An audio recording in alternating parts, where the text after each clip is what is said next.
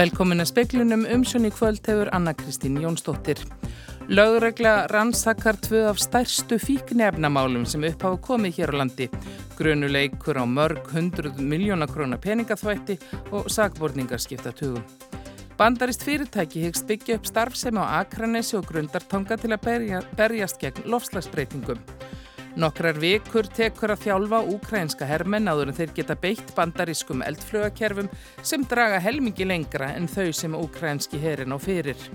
Og sótvarnalæknir býst við að fleiri greinist með apaból á næstu vikum en tveir hafa þegar greinst og verða í einangrun næstu vikur. Apaból er ekki bráð smittandi en hún smittast helst við nána og langvarandi snertingu. Lágreglan á höfuborgarsvæðinu hefur síðustu mánuði fylst með tugumanna sem eru grunaðir um framleiðslu, dreifingu og sölu fíknefna. Margir Sveinsson, aðstóðar yfir lauruglu þjóttjá laugreglun á höfuborgarsvæðinu, segir að fíknefnin sem lauruglagði hald á við rannsókn málsins líklega það mesta sem lagt hefur verið hald á hérlendis. Er þetta liður í rannsókn gegn skipilarubrútarstarfsemi sem lauruglan telur og hefur upplýsingar um að sé stór þáttur í okkar samfélagi? Við þessa rannsón hefur lauruglan lagt hald á aukutæki, símtæki, tölfur og ymsa aðra muni sem á búna til framlýslu fíknefna. Einni hefur lauruglan lagt hald á mikið magn fíknefna og er áallad að sé eitt mesta magn sem lauruglan hefur lagt hald á hér á landi í tengslu við eina rannsón. Í öðru máli sem laurugla greindi frá á frettamannafundi í dag voru flutti nefni sem duga til að framleiða amfetamin fyrir andvirði alltaf 700 miljóna króna. Hulda Elsa Björgvinsdóttir, sviðstjóri ákjæru svið, segir rannsóknina tegja ánga sína víða en hún hófst eftir að laurugla fekk aðgangað samskiptakerfi sem glæpa menn höfðu nýtt til samskipta sín á milli. Íslensk laurugliði völd fengu formulega heimil til að greina og nota þessi gögn þar sem í ljós kom að þar mótti finna samskipti manna á íslensku en einnig á öðrum tungumálum sem fjallum innflutning fíknefna til Íslands og mikla fjármunni á Íslandi í þessu samengi.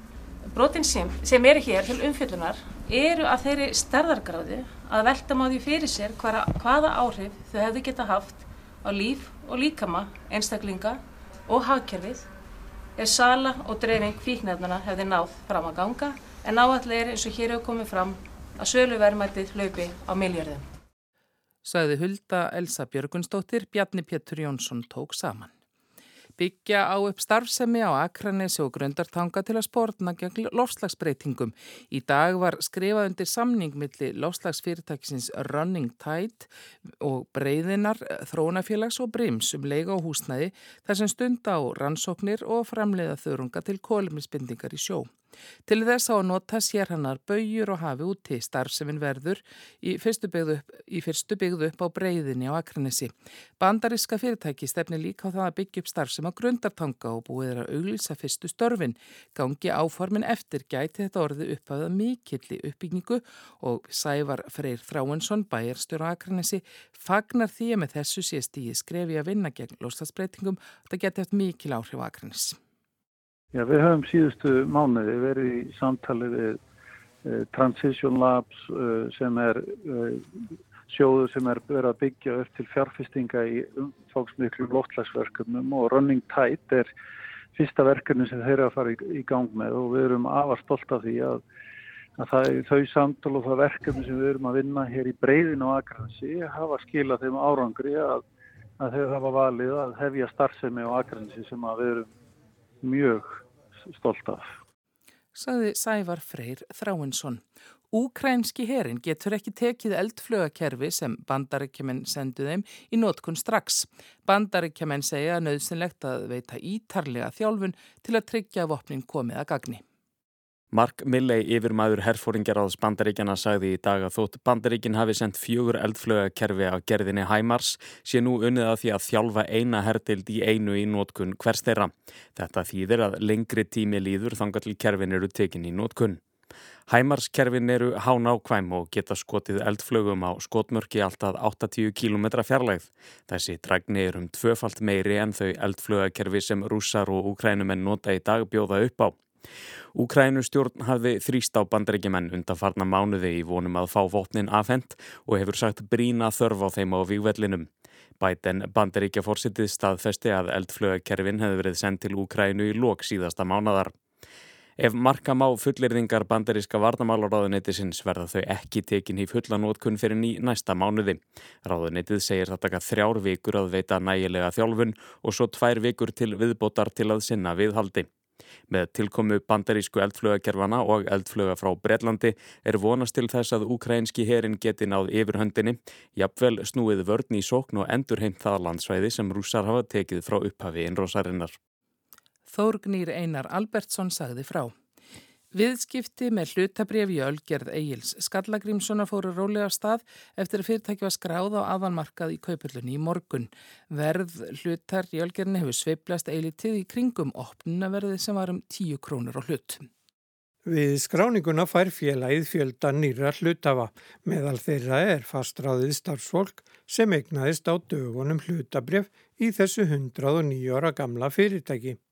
Að sögn Andra Þórs Guðmundssonar, fórstjórafélagsins, var starfsfólki velaunað fyrir velunin störf og mikið álag, engum vegna faraldursins. Þetta er stór dagur. Við erum með tæmlega 7000 hlutafa, eh, mikið af ungu fólki eh, og mikla breytt og og maður segja að svona gammal draumur hefur ræst að, að koma ölgerðinni í hendur almennings.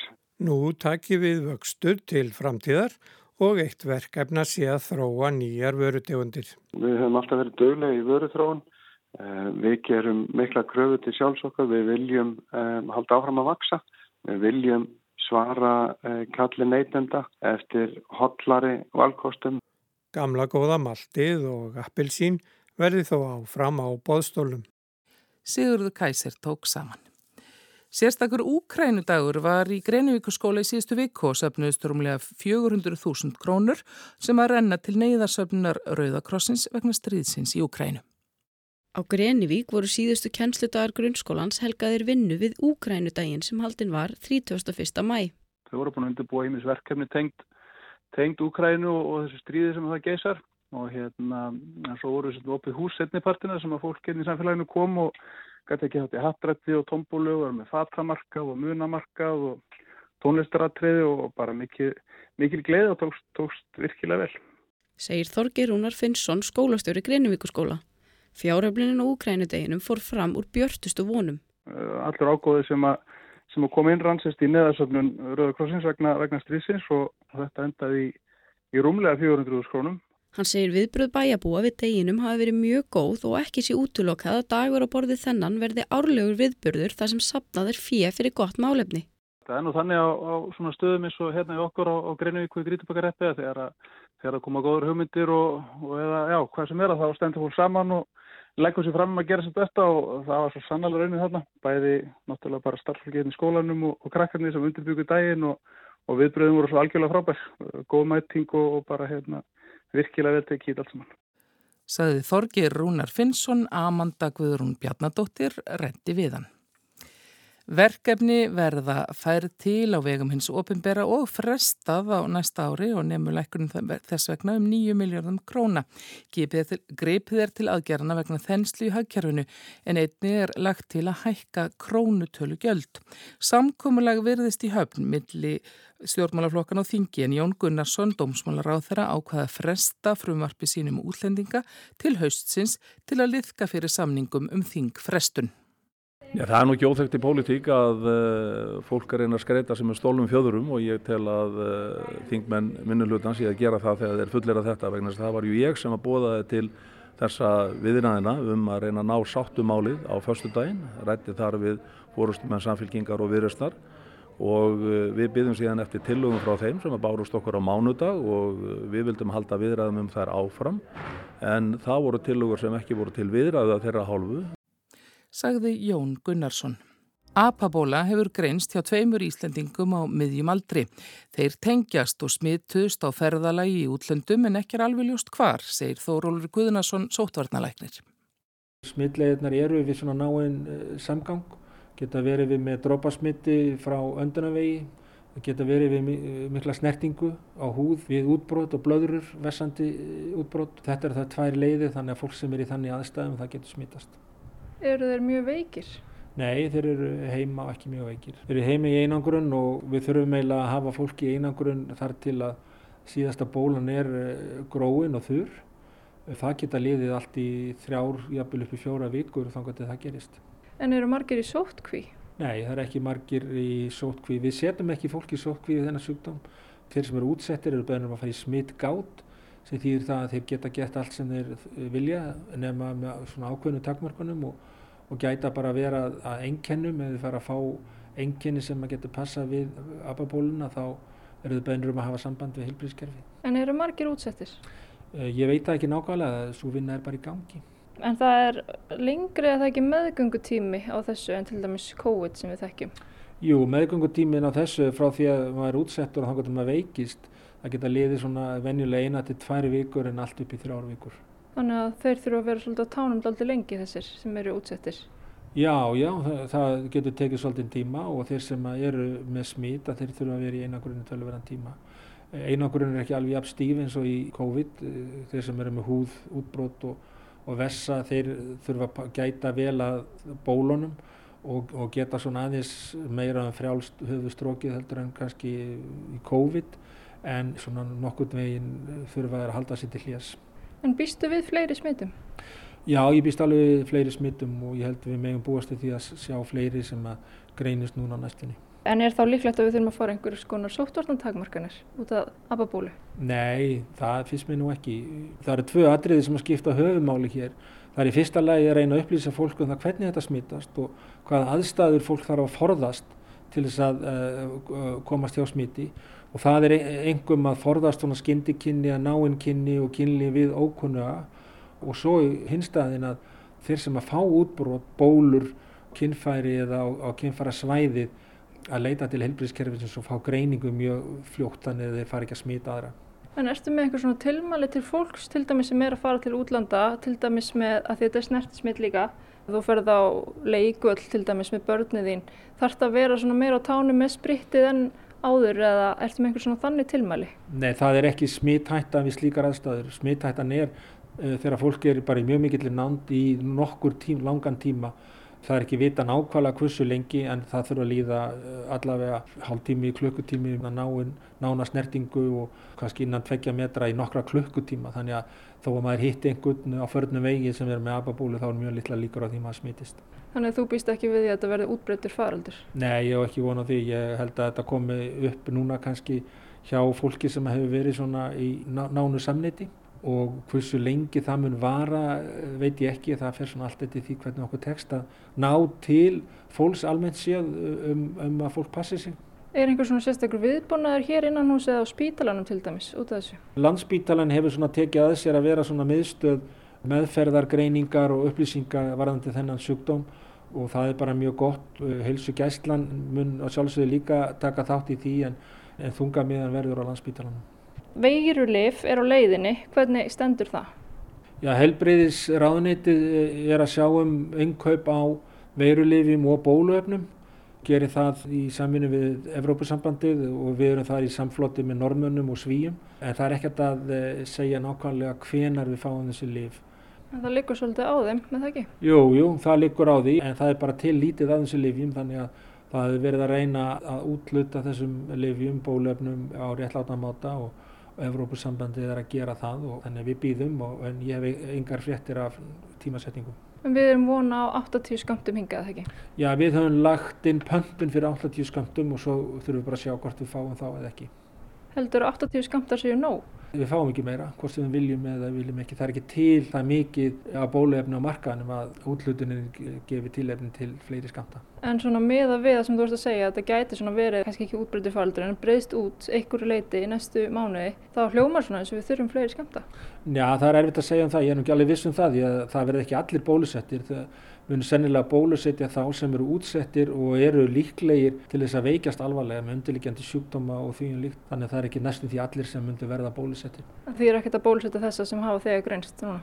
Nei, nei, það er á seint. Það er talað um að kannski að sé hægt að bólusetja fólk innan fjóra daga frá útsetningu. Þannig að fólk sem er komið með enginn og veikt, það er allt á seint að bólusetja það. En er einhver sjans að það sé einhver önnur bólefni sem myndi virka, til dæmis bólefni gegn stóru bólu?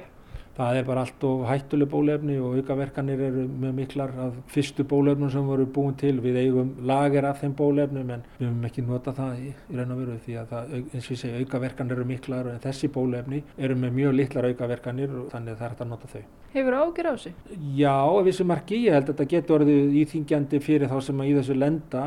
Alvarlega síkingar eru sem betur fyrir fátíðar, það eru bara tveir sem ég veit um í útlöndum í Evrópu sem þurft að leggast inn á spítala. Þannig að þetta er yfirleitt sjúkdóm sem bara gengur yfir að sjálfu sér en þetta getur náttúrulega verið íþingjandi fyrir þá sem í þessu lenda og, og það er full ástæð að hafa ákveðnar áhyggjur af því.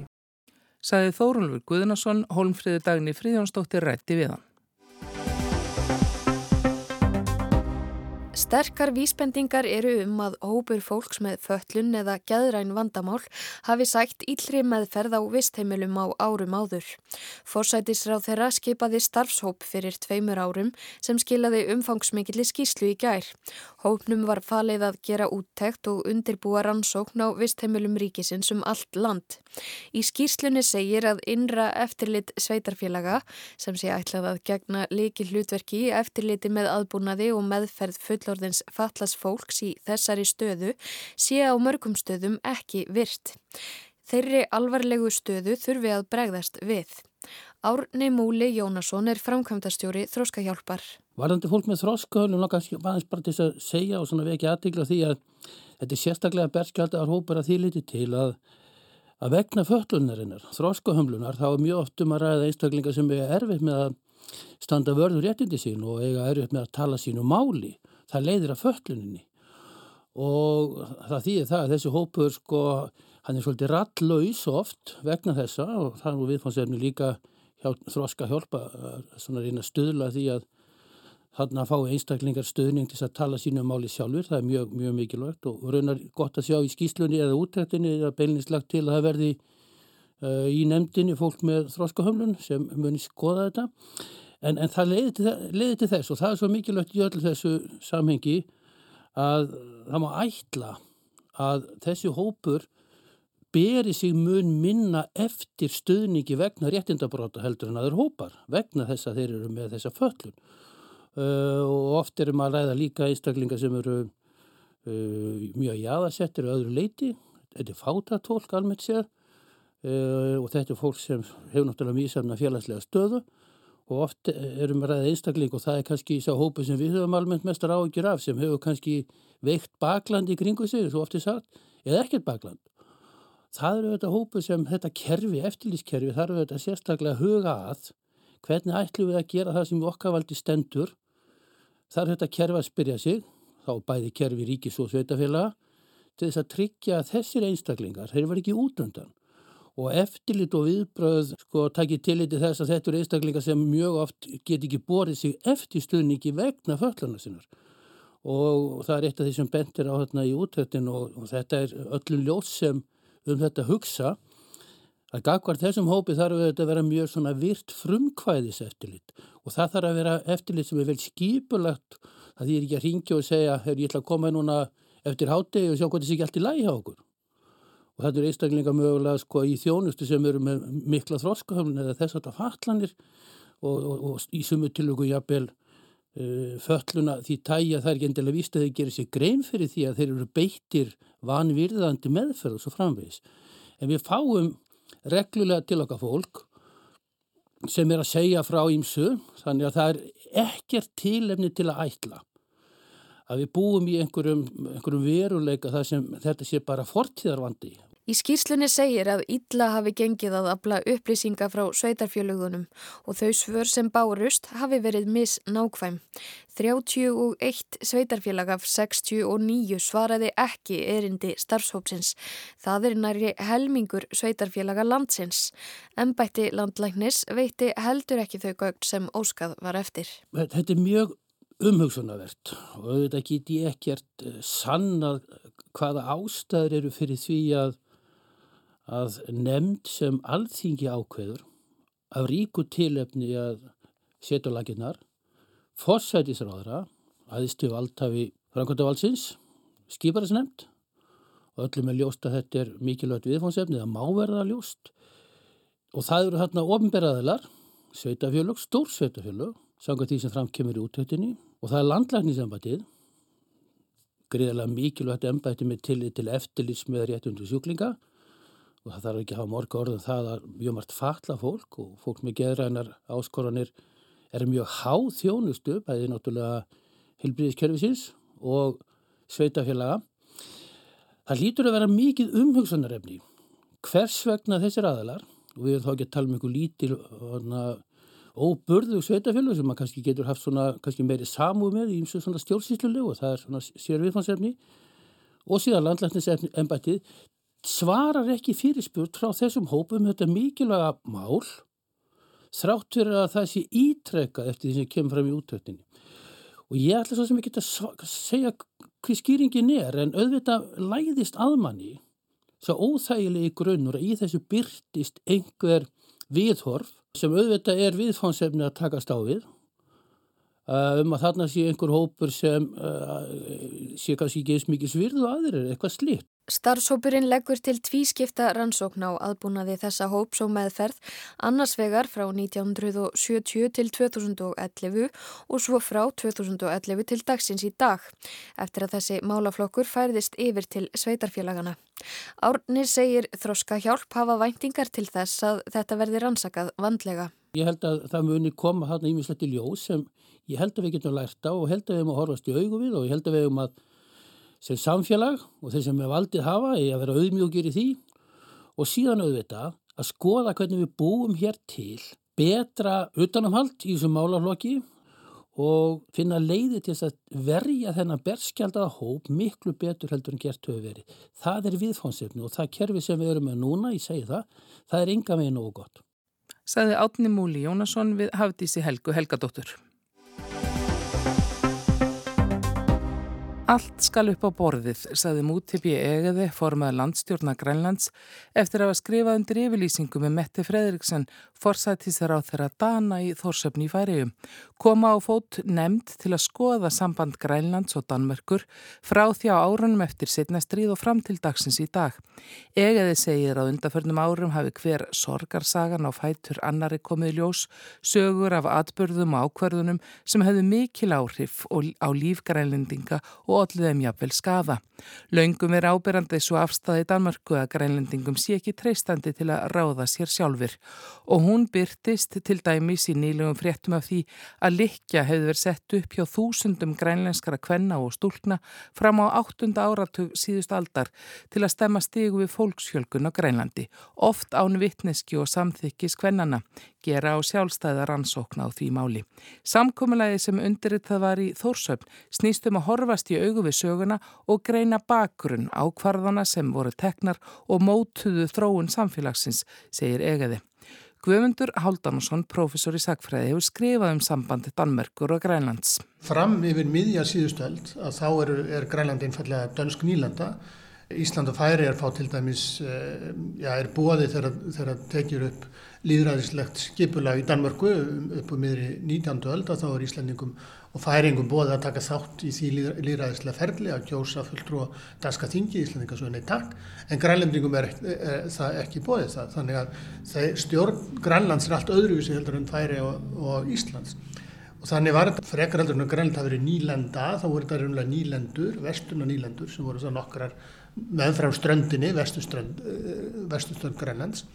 Svo smá sem að þeirra líður á 19. aldina þá er svona farið að þróa svona hugmyndum það að, að það eigi að svona fara að stjórna þessu, að ekki bara hafa þetta vestlunarsamskipti, heldur líka þá einhvers konar danska stjórn og þá líta Danir þannig á sig sem, sem svona síðmentandi afl í Grænlandi að reyna að leiða grænlendinga inn í, inn í núntíman. E, uppalega þá er viðbröð grænlendinga eru þau að þeir vilja þá, e, þeir eru ekki að tala um neitt sérstatt sjálfstæði, heldur raunverulega vilja fórustumenn grænlendinga e, á fyrirluta síðustu aldar tengjast Danmörku á svona einhvers konar jafnbrettisgrundvelli þannig að þeir verði raunverulega, þeir sjá ekki fyrir sér að á þeim tíma að Grænland getur verið sjálfstækt þeir þurfi þetta samband í Danmörku en þeir vilja að það fá stöðu innan danska ríkisins eins og Danir og, og jafnbrettistöðu. En mjög fljótlega og þetta gerir sem sagt upp úr setna stríði og þá er það hluti af því að þeir eru nýju heimsbenda þessum að bandarækjumenn eru svona eru að leggja áherslu á það að þeir leggja niður nýlendu stefnuna og, og undir þetta áhrifum frá sérstaklega afrískum nýlendum og með stofnum saminu þjóðana þá er það svona eiginlega skil, skilabóðin að nýlendu, nýlendu skipulaði sé, sé úrreld. Þá er sem sagt niður sem nýlenda innlimið inn í, inn í Danska ríki þannig að, að grænlendingar fara að kjósa fulltrú á þingin. En mér fljóðlega upp úr því fara grænlendingar að vilja meira, meira heimastjórn og meira sjálfstæði og það auðvitað en mér svipað þróun að gerast í færium á fyrirluta upp úr svona kringum miðja 20. öld og 1979 fá grænlendingar heimastjórn og síðan aftur nýlega fengu þeir ennþá meiri sjálfstjórn. Guðmundur segir að afstæða danskra stjórnvalda hafi smán saman þróast frá því að líta á grænlendinga sem hálgerða villimenn sem væri valla viðbjargandi yfir í að vilja gera þá nútíma borgurum en undir danskri leðsögn. Grænlendingar nánast haldir börn sem kæmust ekki til þroska nema með handleðslu hinn að fullorðnum dana. Fréttinnar af likjumálinu og börnum sem voru sendt frá fjölskyldnum sínum í fóstur til Danmörkur eiga sér hliðstæður í Kanada og Bandaríkjónum. Svo afstafa að þeir geti ekki almenna borið ábyrð á sínu eigin lífi og við kannski sjáum þetta líka endur spekla svolítið að við lítum okkur nær á afstöðu stjórnvalda hér á landi til þeirra sem að töldust svona ekki nógu þroskaðir af einhvers konar andlega föllun að það voru við þetta dæmi um það að, að konur væru gerður ófrjóar sem að hér á Íslandi sem að töldust ekki og að þess að þeim var í sagt það, þeim var í bóðið upp á þetta. Þannig að þetta endur speikla svona þannig að munun á milli þá afstöðuna hér og þá er þetta ekki allir borgar, ekki allar konur sem eru, eru taldar svona, það eru, það eru þá konur sem hafa vissa þroskahamlanir en það er eins og Dani líti á alla grænlandinga sem í þeirri stöðu að þeir séu allir og einhvern nátt ekki nógu þroskaði til þess að, að bera ábyrða sína einn lífi. Og þetta er, er afstæðin sem segi sem er, er ekki bara bundin við, við Dani og, og í sjálf sem kemur mjög skýrt fram í afstöðu Íslandinga til grænlandinga þeir, þeir hafðu þess að sömu afstöðu þegar maður sér það í fjölmjölum það að Íslandingu var ekki eins illa við neitt mjög lengi eins og að menn teldu að Íslandingar væri eskimóar. Það fór alveg óskaplega fyrir brjóstið á Íslandingum þegar að byrtust fréttir um það í ellendum fjölmjölum að, að það væru snjóhús, að Íslandingar byggju snjóhús, það voru mjög viðkvæmið fyrir þessu, vegna þess að, að Íslandingar eins og Danir og eins og ja, mjög margir álítu grænlendinga þá veru eitthvað nátt ekki á sömu, sama þróunar stíi eins og Evrópabor. Framlag Dana er um helmingur af fjárlugum Grænlands. Þetta er að mörgunleitu þetta mjög svipuð þróum eins og Íslandi á svona síðarluta 19. aldur upp að þeirra 20. þar sem við stígum þessi skrefinn í það að, að taka málun í okkur einhendur. Það er tvent sem er algjörlega ólít.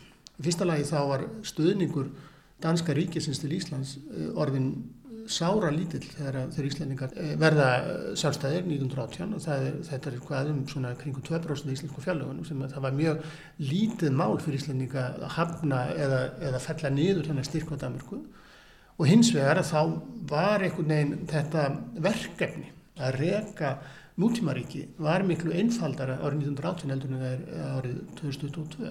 Það er mjög flókið mál að reka nútímaríki. Þú þarf að hafa ákveðin ekki bara ákveðin fjölda fólks, þetta líka að þú þarf að hafa mentun, þú þarf að hafa innviði og þetta er alveg gríðalega flóki verkefni í, í landi og Grænlandi. Þannig að hver sem að stýra þessu landi, hann eða hún er á stort verkefni fyrir öndum og, og þetta er það sem að Grænlandi horfður fram og þetta er svona eiginlega þessi erfiða staða sem þau eru í. Þeir eru þjóðs og líti á sig sem þjóðs. Þjóður eiga að stýra sig sjálfur. En það er mjög erfitt að stýra sig sjálfur en maður getur ekki gert það nema með verulegu stuðningi frá okkur maðurum. Þeir eiga mjög spennandi framtíð, þeir eiga alls konar auðlindir sem að einhverju leiti vannlítar og, og væri hægt að nýta betur en um leið þá mjög margar umhverfis hættur sem að fylgja slíkri nálkun og einnig líka hættur, þetta eru margar þessum auðlindum eru þannig eðlis að þeir grælendinga get ekki nýttar upp á eigin spýtur. Það þarf ellend fjármagn, ellenda þekkingu og ellend tengsl og ellend auðmagn til þess að gera það. Og það er alltaf erfitt fyrir litla þjóða því að þá eru þetta alltaf hættan að, að þú verður háð ekki bara svona vel meinandi dölum sem að kannski hafa ákveðna fordómakakvart er heldur kannski ja, auðringum sem að, eða jafnvel landum eins og Kína sem að eru kannski ekki alveg örugleikið betri úsbændur heldur en danir. Saði Guðmundur Haldanarsson, fleiri er ekki speklinum í kvöld. Tæknimaður var Magnús Þorsteit Magnússon, veriði sæl.